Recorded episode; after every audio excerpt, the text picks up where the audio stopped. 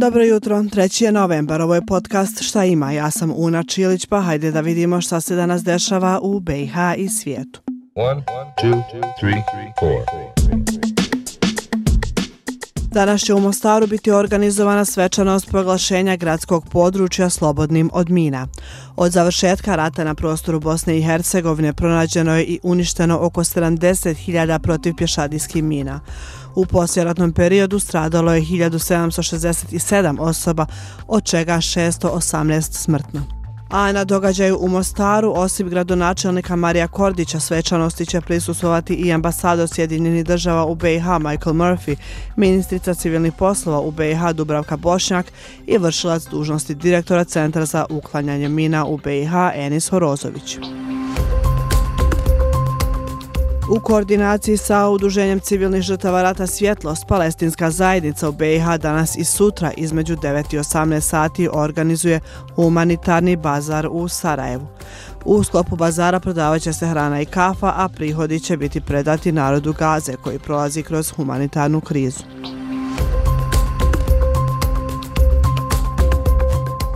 U Sarajevu počinje festival bajki, traje do 12. novembra, a aktivnosti mogu pronaći i đaci i nastavnici kao i roditelji, stručnjaci i svi oni koje zanimaju bajke. A šta posjetioci festivala mogu da očekuju tokom ovog perioda, reći će nam Željka Nemez, umjetnička direktorica festivala bajki. Deveti po redu festival bajke nudi ponovo niz pripovjedačkih sadržaja jer se sve što bajci radimo temelji na narodnim bajkama, nematerijalnoj kulturnoj baštini cijelog svijeta.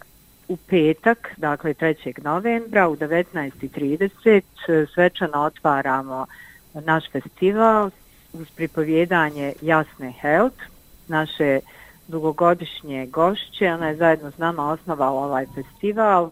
Željko smo pitali i koliko je važno u današnje vrijeme održavati ovakve festivale bajke su nešto što je e, što hrani dušu, bajke zaista pomažu u razvoju mašte, mašta pomaže razvoju motorike i tako dalje. Dakle, bajke su i ljekovite i zabavne, samo neke bajke su za djecu jer su adaptirane, inače su bajke priče za odrasle i u, u okviru našeg festivala također imamo priče za odrasle.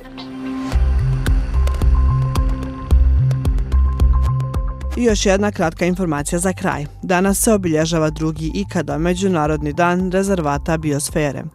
Iz UNESCO upozoravaju da svakom godinom hitnost rješavanja ekoloških problema postaje sve jasnija. Imamo samo jednu planetu i ona je u opasnosti.